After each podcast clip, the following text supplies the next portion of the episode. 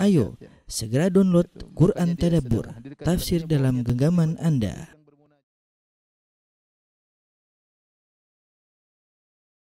Bismillahirrahmanirrahim. Assalamualaikum warahmatullahi wabarakatuh. Alhamdulillahi ala ihsanih wa syukru lahu ala taufiqihi wa amtinani. Wa syahadu an la ilaha illallah wahdahu la syarika lahu ta'ziman li sya'nih. Wa syahadu anna Muhammadan abduhu wa rasuluhu da'ila ridwanih. Allahumma salli alaihi wa ala alihi wa ashabihi wa ikhwanih. Para ikhwan dan akhwat Bapak dan Ibu yang dirahmati oleh Allah Subhanahu wa taala. Eh, sebagaimana yang kita ketahui di antara rukun iman yang keenam adalah al-iman bil qadari khairihi wa syarrihi.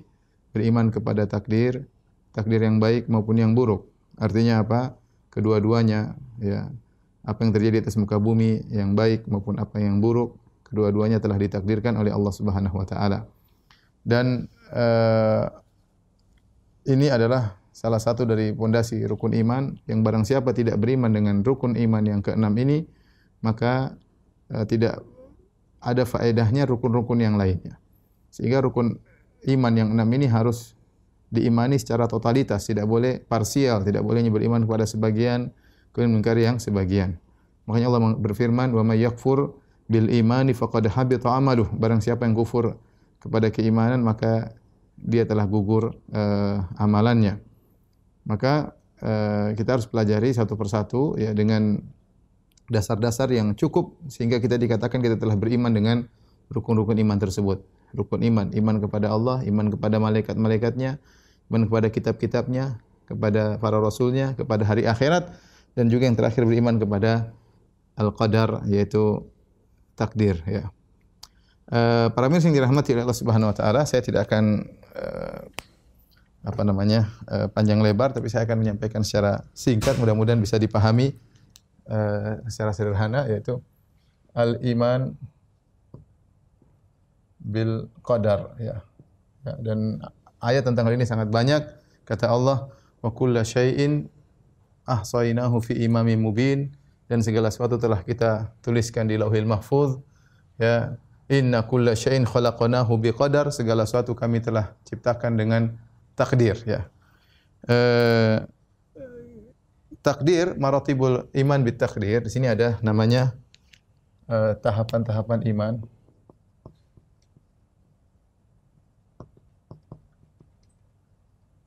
pada takdir. Ada empat tahapan secara umum ya.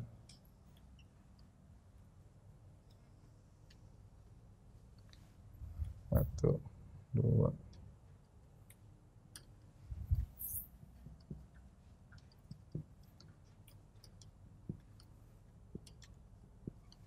Adapun tahapan eh, yang pertama adalah tentang al-ilm. Ilm yaitu Allah telah mengilmui segalanya.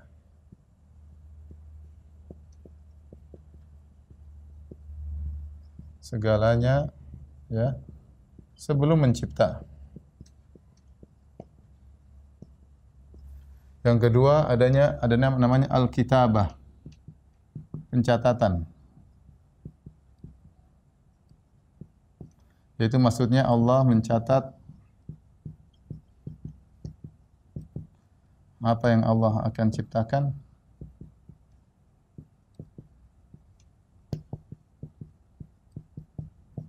ciptakan di Lauhil Mahfuz.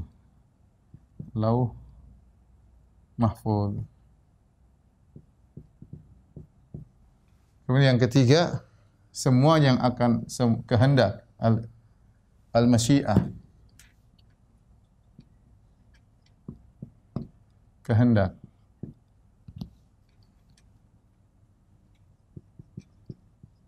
kehendak itu semua yang akan Allah ciptakan semua yang akan Allah ciptakan di kehendak tidak ada yang keluar dari kehendak Allah tidak ada yang keluar dari kehendak Allah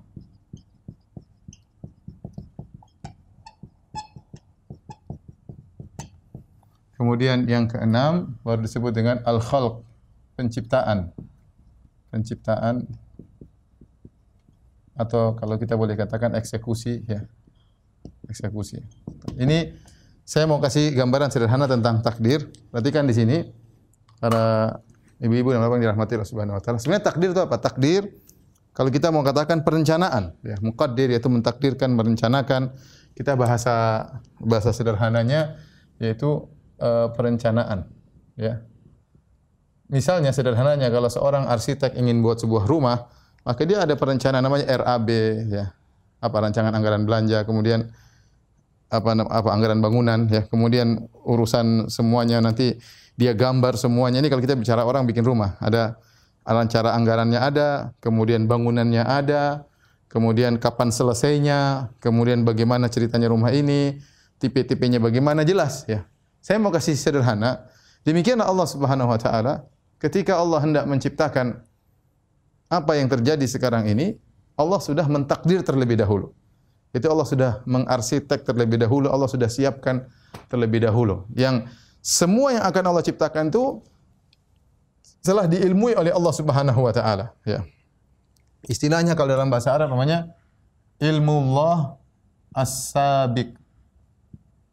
Yaitu ilmu Allah yang telah yang mendahului mendahului kita tahu bahwasanya ilmu Allah Subhanahu wa taala ya uh, luas ya. Dalam banyak ayat Allah mengatakan wallahu bikulli syai'in alim. Allah mengetahui segala sesuatu. Uh, alam tara anna Allah ya'lamu ma fis samawati ma fil ard. Ma yakunu min najwa thalathatin illa huwa rabi'uhum wa la khamsatin illa huwa sadisuhum wa la adna min dhalika wa la akthara illa huwa ma'ahum aina ma kanu. Thumma yunabbihum bima amilu yawmal qiyamah. Inna Allah bikulli syai'in alim. Kata Allah, tidakkah kau lihat bahwasanya Allah mengetahui seluruh yang ada di langit dan yang ada di bumi. Ya. Bahkan tidak ada orang tiga, tiga orang bisik-bisik kecuali Allah yang keempat. Tidak ada orang lima orang berbisik kecuali Allah yang keenam. Jadi Allah Maha mengetahui segala sesuatu. Ya, dan banyak ayat Allah mengatakan wallahu bikulli syai'in alim, ya. Allah mengetahui segala sesuatu.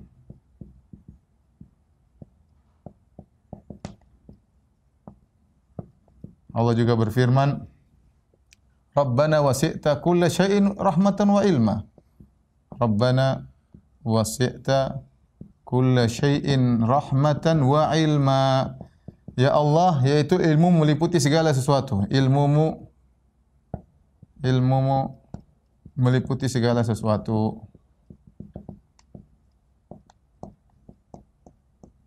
Adapun cakupan ilmu Allah, para ulama mengatakan cakupan ilmu Allah, ya. Cakupan ilmu Allah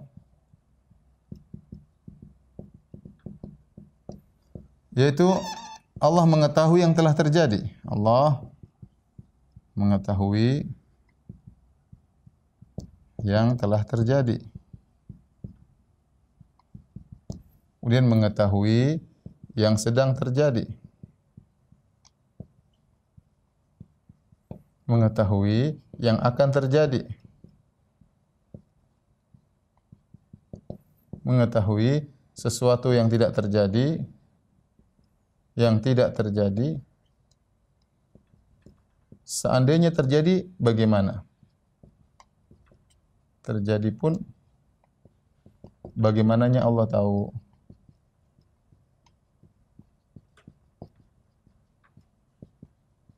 Dan dalam ayat dalam banyak ayat Allah mengatakan misalnya walau ruddu la'adu limanuhu anhu wa innahum lakadzibun tatkala orang-orang di neraka jahanam mengatakan ya Rabb kami kembalikanlah kami ke muka bumi. Kami ingin beramal soleh. Kata Allah Subhanahu wa taala walau ruddu kalau mereka dikembalikan di atas muka bumi la adu lima an mereka akan kembali lagi bermaksiat. Jadi tidak terjadi tapi seandainya terjadi Allah tahu bagaimana. Kata Allah juga lau kharaju fikum ma zadukum illa khabala.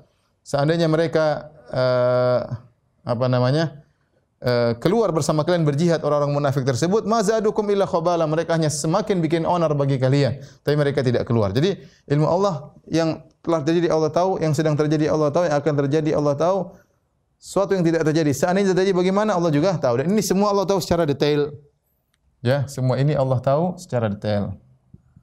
Allah tahu secara detail.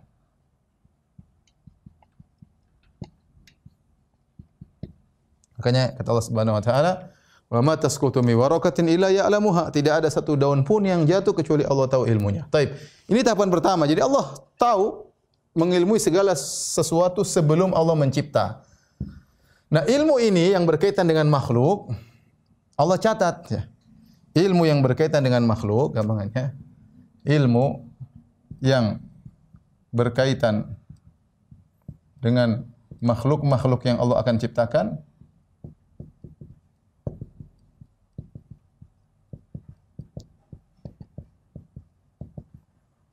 ciptakan Allah tulis di Lauhil Mahfuz. Allah Allah Al-Mahfuz. Allah tulis semuanya di Al-Lauhil Mahfuz. Dan dalilnya terlalu banyak. Di antaranya kata Allah Subhanahu wa taala wa kullu syai'in wa kullu syai'in dalam surat Yasin. Ah saynahu fi kitabim mubin segala sesuatu telah kami tulis di kitab umum di Lauhil Mahfuz. Ya. Kemudian juga misalnya ma faratna fil kitab min syai, ma faratna fil kitab min syai. Tidak ada satu pun yang terluput dalam tertulis dalam Alkitab dalam Lauhil Mahfuz. Ya. Uh, kata Allah Subhanahu wa taala, "Ma asaba min musibatin fil ardi wala fi anfusikum." Ma asaba ma asaba min musibatin. Musibatin fil ardi wala fi anfusikum.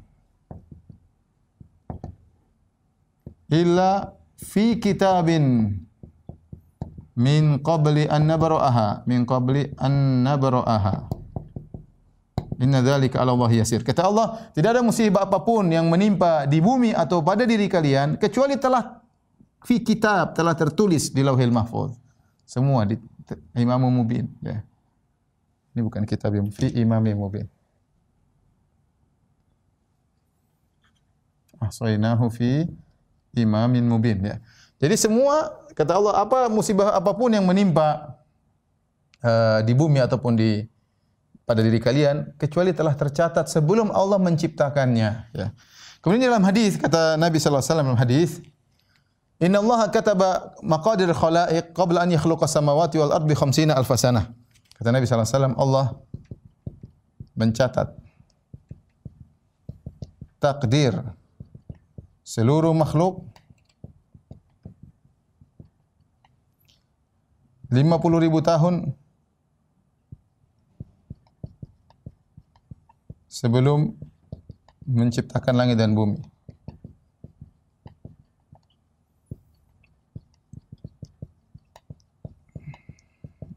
Kapan bumi dan langit diciptakan enggak ada yang tahu. Berapa juta tahun yang lalu. 50 ribu tahun sebelum menciptakan langit dan bumi Allah tuliskan takdir semuanya. Semuanya akan terjadi. Ya. ya perencanaan Allah tersebut Allah gampangannya eh, perencanaan Allah tersebut Allah telah ilmui, Allah tulis perencanaan tersebut. Ya. Kemudian juga eh, seperti kata Nabi wasallam, "Awwal ma khalaqallahu al-qalam, tsumma qala lahu." Pertama kalau ciptakan adalah pena, Allah berkata, tulis. Qala madza aktub? Apa yang kutulis? Uktub maqadir khalaiq ila qiyamis saah. Yang pertama Allah ciptakanlah pena, Allah berkata, tulislah. Kata pena, apa yang kutulis? Kata Allah, tulislah uh, takdir seluruh makhluk sampai hari kiamat kelak. Jadi ini namanya marhalah kedua atau martabat kedua al-kitabah, pencatatan. Perencanaan tersebut Allah catat dan ini tidak akan pernah berubah. Ya, uh, kata Eh, kata Nabi SAW, Rufi'atil aklam wa jaffatis suhuf. Pena sudah diangkat dan lembaran catatan telah kering. Itu namanya takdir. Ya. Taib. Uh, sekarang kita proses pada proses eksekusi ya. Setelah Allah uh, setelah Allah mengilmui, Allah mencatat. Kalau kita boleh katakan dua proses namanya proses eksekusi ya. Ya, proses eksekusi. Nah, Sebelum sebelum eksekusi, semua yang akan Allah ciptakan itu di atas kehendak Allah. Semuanya, kebaikan, keburukan. Di sinilah poinnya kita tahu bahwasanya uh, beriman kepada takdir yang baik maupun yang buruk. Di sini ada uh, beriman kepada takdir yang baik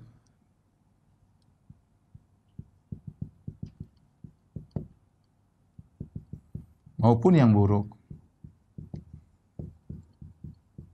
Perhatikan di sini, di sini ada yang buruk. Ya, apakah timbul pertanyaan, apakah Allah menghendaki keburukan?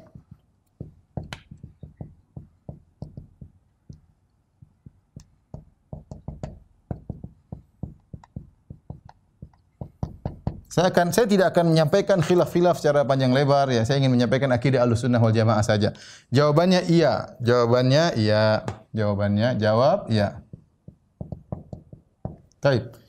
Uh, bagaimana logikanya? Logikanya sesuatu logikanya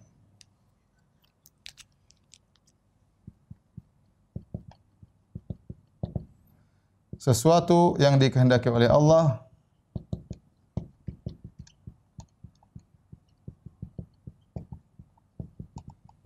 bisa dibagi menjadi dua. Yang pertama, muradan li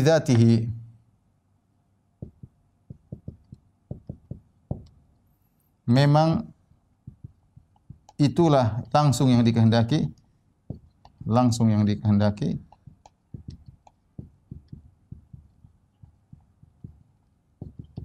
Ada namanya murad muradun li ghairihi. Yaitu eh, dikehendaki karena ada karena ada sesuatu di balik itu, ada sesuatu yang di balik itu yang sesungguhnya Allah kehendaki. Ini saya akan jelaskan. Contoh yang benar-benar dikehendaki oleh Allah, misalnya kebaikan, ini segala kebaikan. Segala kebaikan. Contoh segala kebaikan. Misalnya Jibril, ya. Muhammad sallallahu alaihi wasallam, ya. Surga dan lain-lain ya. Ada yang dikehendaki dia buruk ya. Jadi dari satu sisi ini maksudnya bagaimana? dari sisi secara langsung kelihatan buruk.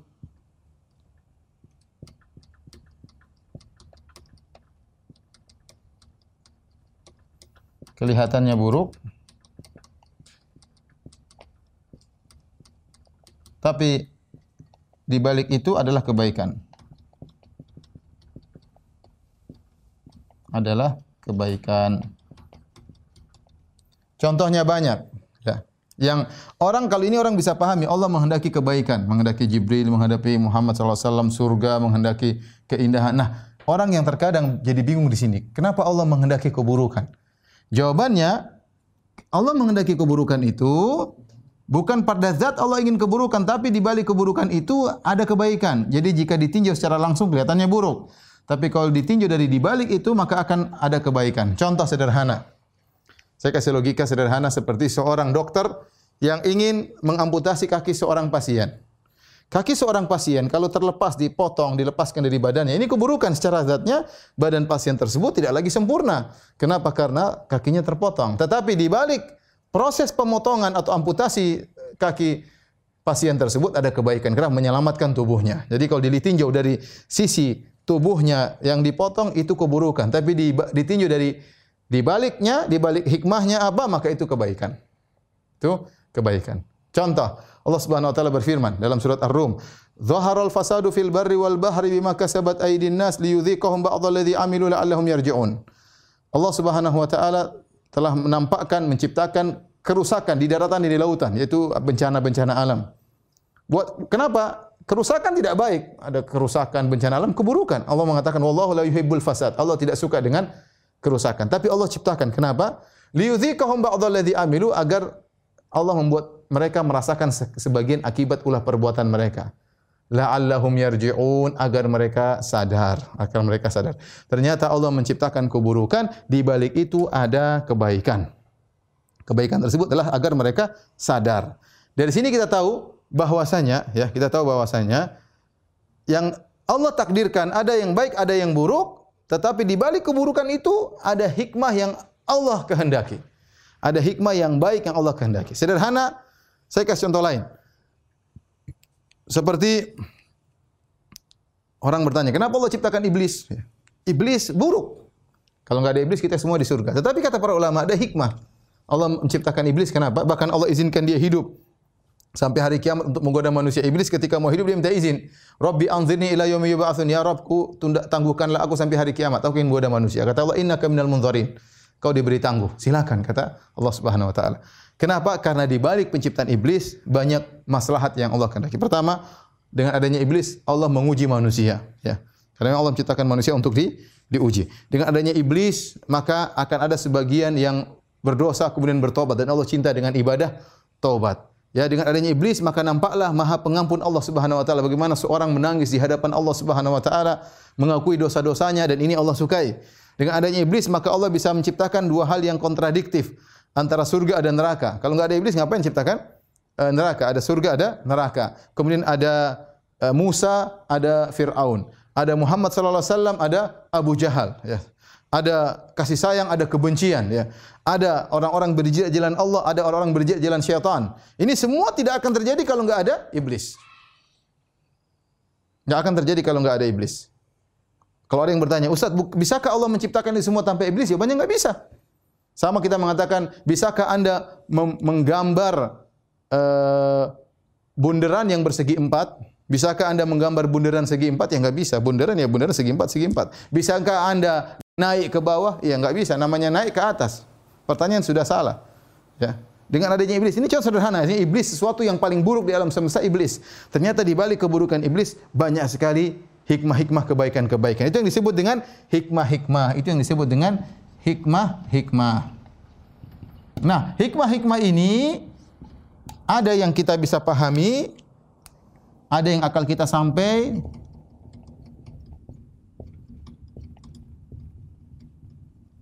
ada yang tidak sampai. Ada yang tidak sampai. Inilah jadi hikmah sebagian Allah buka. Kenapa terjadi begini? Allah jelaskan. Ada yang memang tidak sampai otak kita tidak sampai. Di sini Allah kunci kata Allah, la yus'alu amma yaf'alu wa hum yus'alun. Di sinilah yang Allah berfirman, la yus'alu amma yaf'al wa hum yus'alun. Wa hum yus'alun. Allah tidak ditanya tentang apa yang ia buat. Ya, perbuat. Baik. Inilah dalam Al-Qur'an Allah mengatakan is'alu amma yaf'alun. Yaf'al. Allah tidak ditanya tentang apa yang Allah lakukan, ya. Wa hum yus'alun. Mereka lah yang di, ditanya, ya. Saya ulangi lagi biar tidak salah paham, saya ulangi. Kita kalau bicara takdir, saya katakan seperti perencanaan. Ibarat seorang arsitek ingin membuat sebuah rumah, maka dia butuh dengan perencanaan, RAB, kemudian gambar dan semuanya. Allah Subhanahu wa taala juga ingin mengkreat semua ini alam semesta dengan isi-isinya dengan apa yang berjalan di atas alam semesta tersebut. Maka tentunya dengan di atas ilmu. Allah punya ilmu, Allah tahu semua apa yang dia lakukan. Ilmu Allah terus mencakup segala sesuatu sebagaimana sudah kita jelaskan. Setelah itu, ilmu yang Allah yang berkaitan dengan penciptaan makhluk Allah catat. Tidak semua ilmu Allah, ilmu Allah luas, tidak bisa dicatat. Tetapi ilmu yang berkaitan dengan makhluk yang akan Allah ciptakan, apa yang terjadi pada mereka, bagaimana nasib mereka, semuanya Allah catat di Lauhil Mahfuz. Dan ayatnya sudah kita sebutkan. Setelah itu Allah masuk pada marhala eksekusi. Bagaimana eksekusinya? Pertama Allah berkehendak, kemudian Allah ciptakan. Nah, semua yang akan Allah ciptakan, semua Allah kehendaki. Tidak ada yang keluar dari kehendak Allah Subhanahu wa taala. Namun kita tahu ternyata yang diciptakan ada yang baik, ada yang buruk. Ada yang baik, ada yang yang buruk. Kalau menghendaki kebaikan, kita semua bisa memahami. Nah, bagaimana kalau ada keburukan yang Allah kehendaki seperti Allah ciptakan neraka, Allah ciptakan iblis, Allah ciptakan Firaun. Kenapa Allah ciptakan? Maka kita bilang sesuatu yang keburukan ya. Ini eh, kebaikan. Ini keburukan. Keburukan yang Allah ciptakan itu murad li ghairihi, dikehendaki karena ada sesuatu di balik itu yang sesungguhnya Allah kehendaki. Maka keburukan tersebut kalau kita tinjau secara langsung, maka dia buruk. Tapi kalau kita tinjau di balik hikmahnya, maka dia baik. Saya sudah contohkan seperti tadi bagaimana seorang dokter yang mengamputasi ya kaki seorang uh, secara zahir kaki hilang itu buruk tapi dampaknya baik sama. Kenapa Allah ciptakan iblis? Jadi kita sebutkan hikmah-hikmahnya. Oleh karenanya kebaikan yang ada di balik keburukan itu namanya hikmah istilah kita. Nah, hikmah ini ada yang akal kita sampai dan ada yang akal kita tidak tidak sampai. Nah, kebanyakan orang ingin tahu ini, kenapa begini, kenapa begitu, yang akalnya belum tentu sampai. Taib. Kita masuk pada marhala yang keempat, yaitu penciptaan. Di sini Allah menciptakan segalanya ya.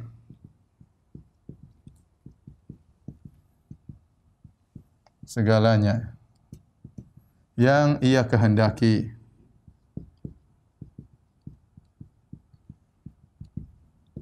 Allahu khaliqu kulli syai. Allah pencipta segala sesuatu.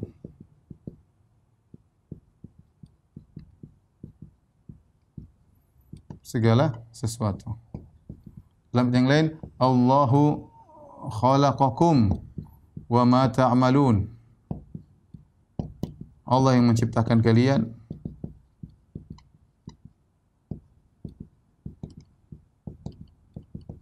dan juga perbuatan kalian. Semuanya telah diciptakan oleh Allah.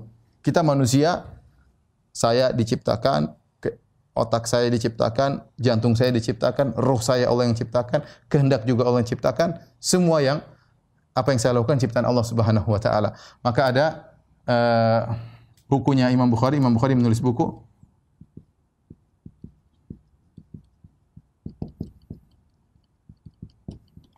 Buku judulnya Khalqu Af'alil Ibad. Itu perbuatan hamba ciptaan Allah.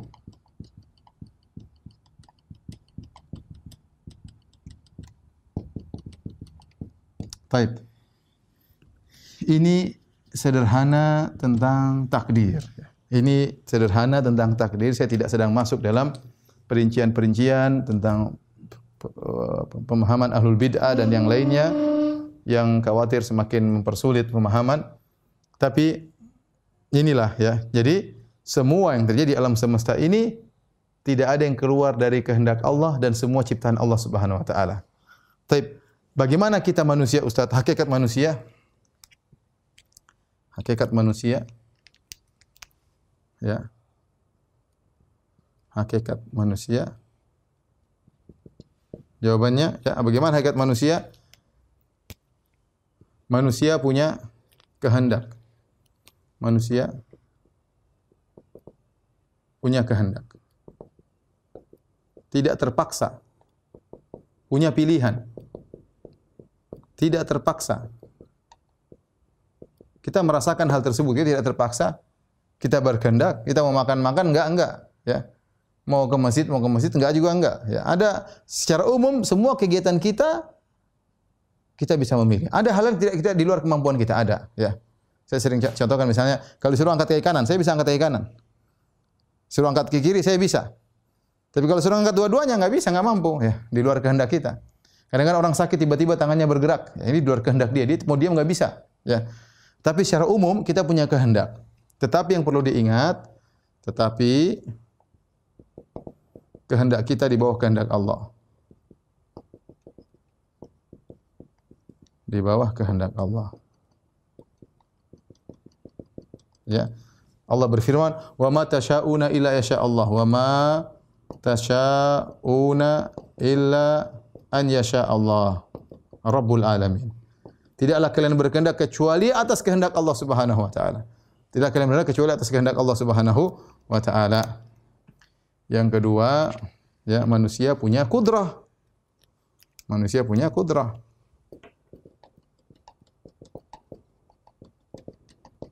Punya kudrah untuk mukul, kudrah untuk makan, kudrah untuk jalan, yaitu eh, kemampuan. Ya. Tetapi di bawah kudrah Allah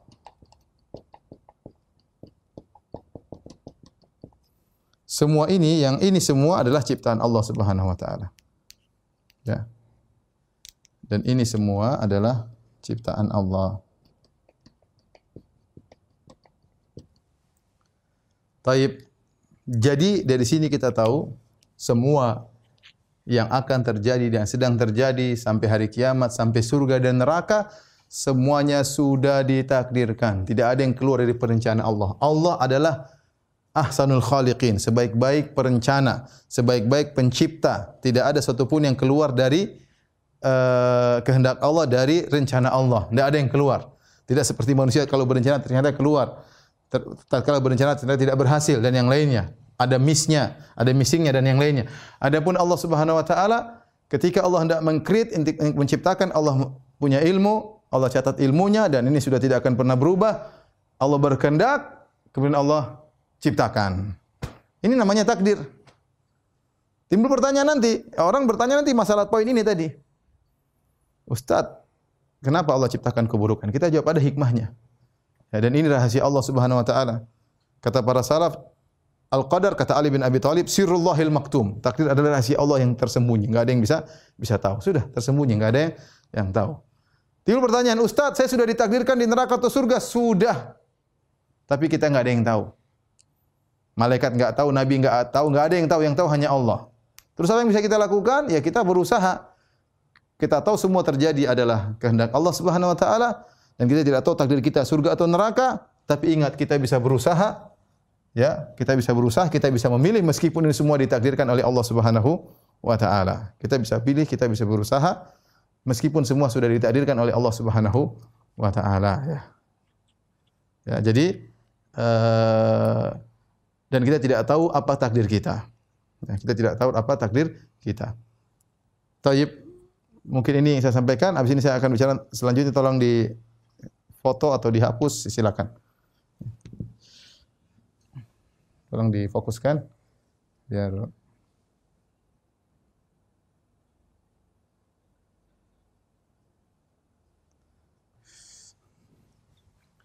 Taib, uh, beberapa uh, kaidah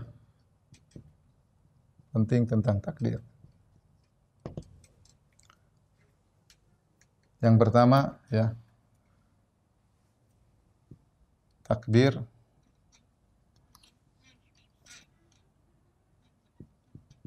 yang di lauhil mahfud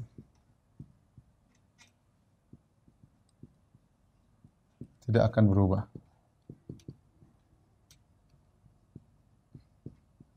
Ya. Karena rencana Allah matang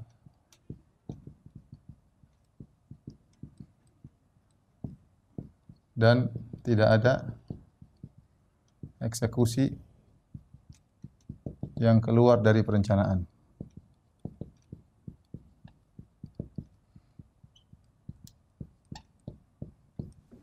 Yang kedua, takdir ya tersebut ya tidak ada yang tahu.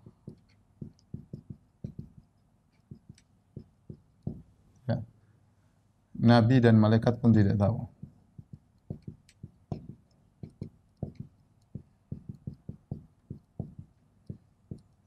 Ya, malaikat pun tidak ada yang tahu. Karena takdir tidak ada yang tahu, ada hikmahnya. Apa hikmahnya? Hikmahnya Ya, pertama jika ya seseorang mendapat kenikmatan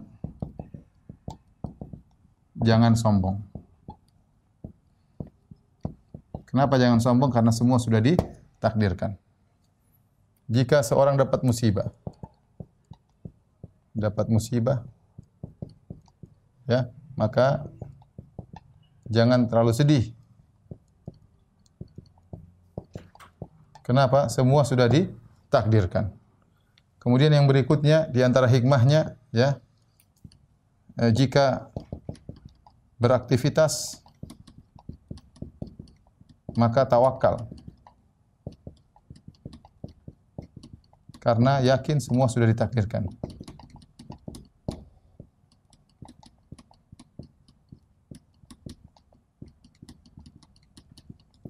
Kemudian ketika beramal tidak ujub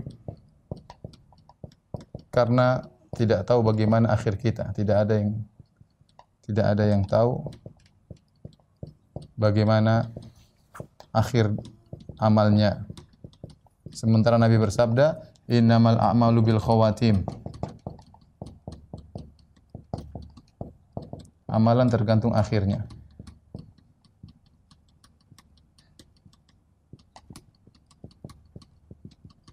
Ya. Kemudian Perlu kita perhatikan ya. semua sudah ditakdirkan.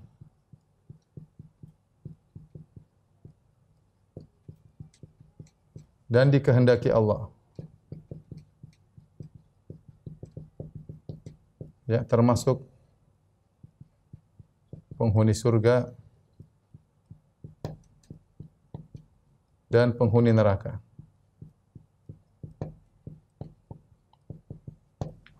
Semua sudah ditarikan penghuni surga maupun penghuni uh, neraka ya. Ya. Namun perhatikan ya. Namun ya tidak ada yang tahu akan hal itu. Tidak ada yang tahu. Dia di surga atau di neraka. Tidak ada yang tahu, ya.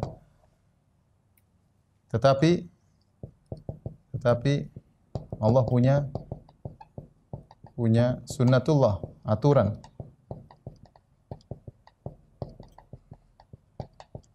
Yang beramal soleh masuk surga.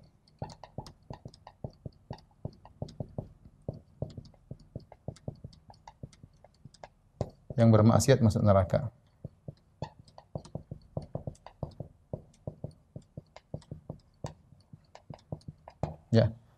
Maka tidak boleh seorang berdalil dengan takdir kalau ternyata dia sedang bermaksiat, oh sudah ditakdirkan oleh Allah. Ya. Sama seperti saya sering sampaikan, ada pencuri, dia mau dipotong tangannya, dia bilang, ya Amirul Mukminin, saya mencuri sudah ditakdirkan oleh Allah. Kata Umar sama, kau di tangan potong tanganmu dipotong pun karena takdir Allah Subhanahu wa taala. Sudah. Apakah kita tatkala bermaksiat kita bilang, kita enggak tahu takdir kita bagaimana kita berdiri dengan sesuatu yang sudah ditakdirkan. Kita enggak tahu.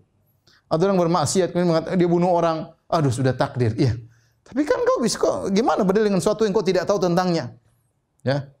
Memang sudah ditakdirkan, tapi kau tidak tahu takdir tersebut. Ya. Dan kau punya pilihan, Allah kasih pilihan. Kita tidak bisa beruja di hadapan Allah. Jangan seorang kemudian bermaksiat masuk neraka dia bilang ya Allah sudah kau takdirkan. Enggak bisa. Adilnya.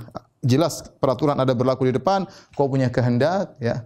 Dan inilah yang disebut dengan sirrullahil maktum. Kenapa begini, kenapa begitu? Allah tidak terima pertanyaan tersebut. Otak kita enggak enggak sampai, ya. Kaidah berikutnya, ya.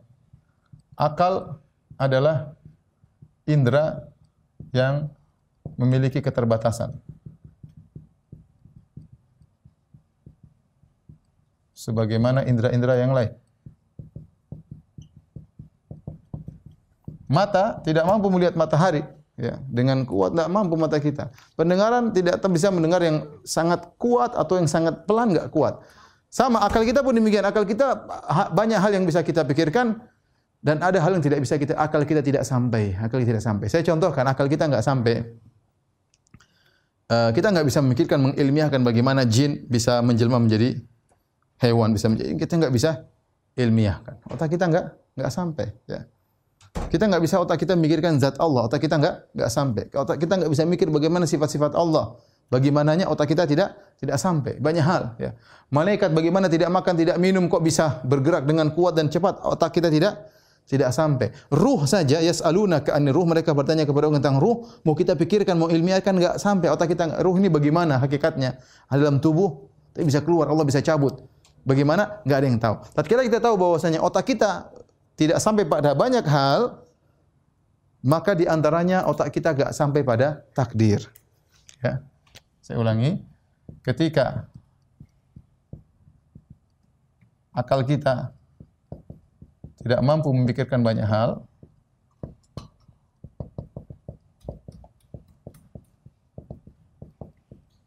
maka demikian juga dengan takdir. Maka di sinilah kenapa ada kita dipaksa untuk percaya, makanya disebut dengan al-iman bil qadar. Beriman kepada kepada takdir. Sudah beriman. Kenapa orang-orang musyrikin dulu tidak beriman kepada hari akhirat? Karena enggak masuk logika mereka. Gimana? Man yuhyil idhama wa yaramim? Siapa yang bisa mengembalikan tulang-tulang sudah hancur, sudah lumat, kemudian menjadi manusia lagi, nggak masuk logika. Kita bilang takdir juga demikian, kita nggak masuk logika. Ya. Kalau orang bertanya, banyak pertanyaan tidak bisa kita jawab. Kenapa iblis yang jadi korban? Ya nggak bisa dijawab. Kenapa Muhammad SAW dipilih menjadi seorang Rasul? Kenapa tidak dari Jawa, tidak dari Indonesia? Enggak bisa. Allahu a'lamu haitsu raji' risalat. Kata Allah yang lebih tahu di mana dia letakkan risalahnya. Jadi maksud saya banyak hal yang otak kita tidak tidak sampai dan banyak pertanyaan teka-teki yang tidak bisa dijawab.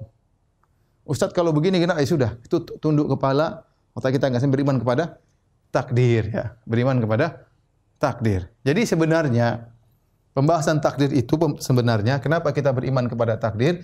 Ini poin pentingnya ini. Bukan untuk kita tanya jawab ya. Tapi adalah ini ya.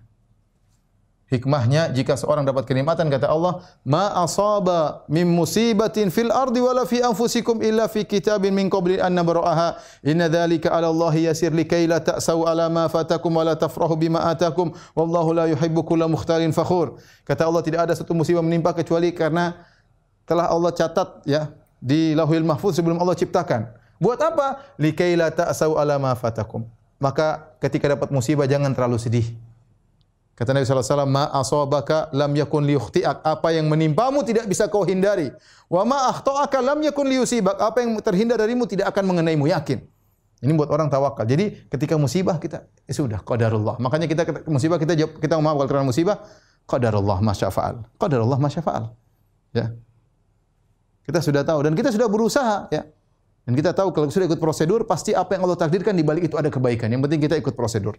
Yang kedua, kalau kita mendapatkan kenikmatan, kata Allah, wala tafrahu bima atakum. Jangan sombong dengan apa yang kau dapatkan. Semua sudah ditakdirkan. Oh, saya saya ini kaya karena saya cerdas, saya bekerja dan yang lainnya.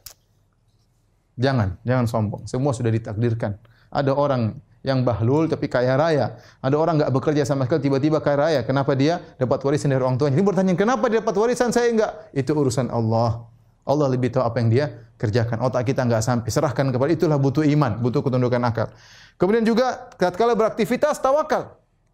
Kata Nabi sallallahu alaihi wasallam, "Lan tas lan lan tamuta nafsun hatta tastawfiya rizqaha.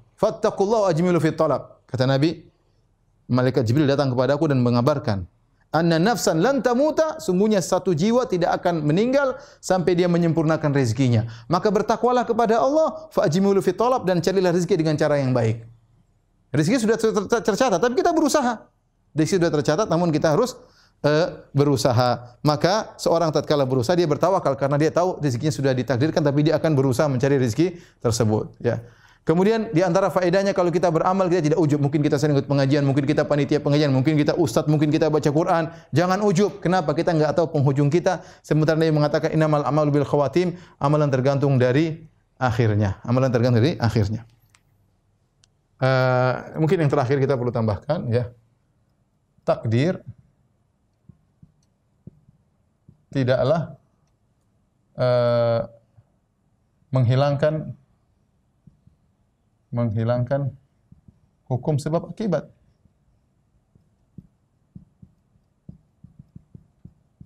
Taib. Semua sepakat. Ya. Semua sepakat. Meski rizki kenyang sudah ditakdirkan, Tapi kalau mau kenyang,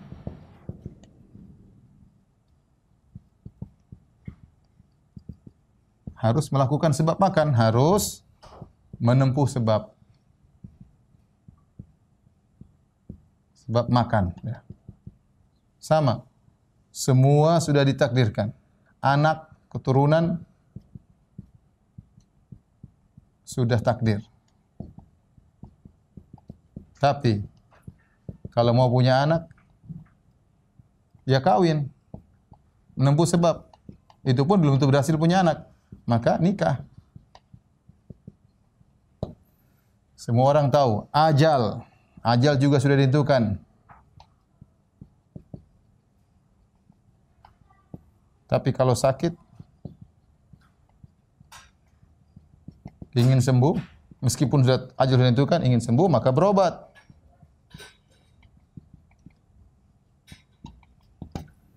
Yang terakhir, saya kasih garis merah ya.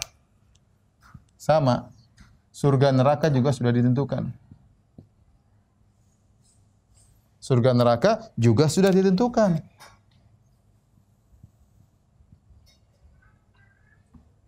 Tapi kalau masuk surga, mau masuk surga, mau masuk surga, harus beramal soleh. Itu sebabnya beramal, beramal soleh. Ya, ini uh, di antara yang perlu kita uh, perhatikan ya. Kemudian mungkin kita bisa tambahkan juga di sini ya. Tidak boleh ber, tidak boleh berdalil dengan takdir untuk melegalkan kesalahan.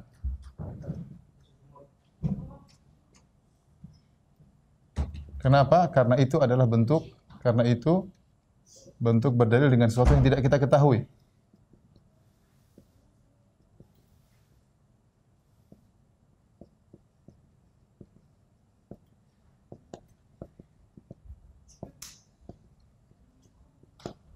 Taib, inilah uh, mungkin uh, poin-poin yang ingin saya sampaikan pada kesempatan kali ini. Demikian saja, kurang lebihnya saya mohon maaf apa yang bisa saya sampaikan. Uh, wabillahi taufiq walhidayah. Assalamualaikum warahmatullahi wabarakatuh.